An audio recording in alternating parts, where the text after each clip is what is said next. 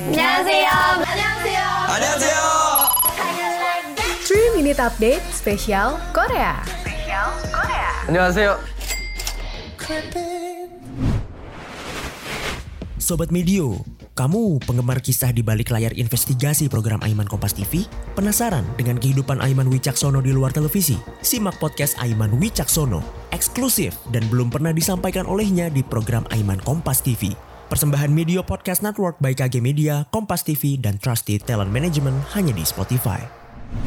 Hai Sobat Medio, ada kabar yang dilansir dari grid.id. Ada yang masih terngiang-ngiang sama Hajin Pyong di startups. Eits, no worries, karena sebentar lagi Kim Son Ho bakalan comeback ke layar kaca. Udah pernah main series berjudul 100 Days My Prince. Kali ini di genre yang hampir sama, nuansa romance tapi vibes kerajaan alias Segu. Yang pastinya Opa Son Ho di sini pakai properti ala kerajaan di zaman dinasti Joseon, memerankan karakter putra mahkota. Wow. Nah, dari pihak agensinya Salt Entertainment dan juga GTBC udah mengkonfirm kalau drama yang dibintangin ini akan berjudul Hasinru. Buat penayangannya masih to be confirm ya Sobat Medio.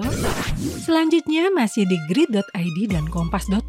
Sukses abis nih konser Born Pink Soul yang diselenggarakan di KSPO Dome Olympic Park. Banyak juga aktris dan aktor yang nonton Lisa and the Gang. Yang mencuri perhatian ada Jung Hae In dan Park Bo Gum juga loh Sobat Medio. Berkat seri Snowdrop yang menuai rating tinggi, bonding Jung Hae In sama Jisoo nggak sampai di situ aja. Hae In sampai bawa lightstick Blackpink dan tentunya foto bareng Jisoo di backstage dong. Lain halnya nih Park Bo Gum yang sempat ngehadirin event Celine bareng Lisa Blackpink. Ternyata juga ikutan nonton Born Pink. Outfitnya juga dipaduin hoodie pink Sobat Medio. Jiwa bling kamu pasti langsung ngesip mereka ya. Iri banget gak sih?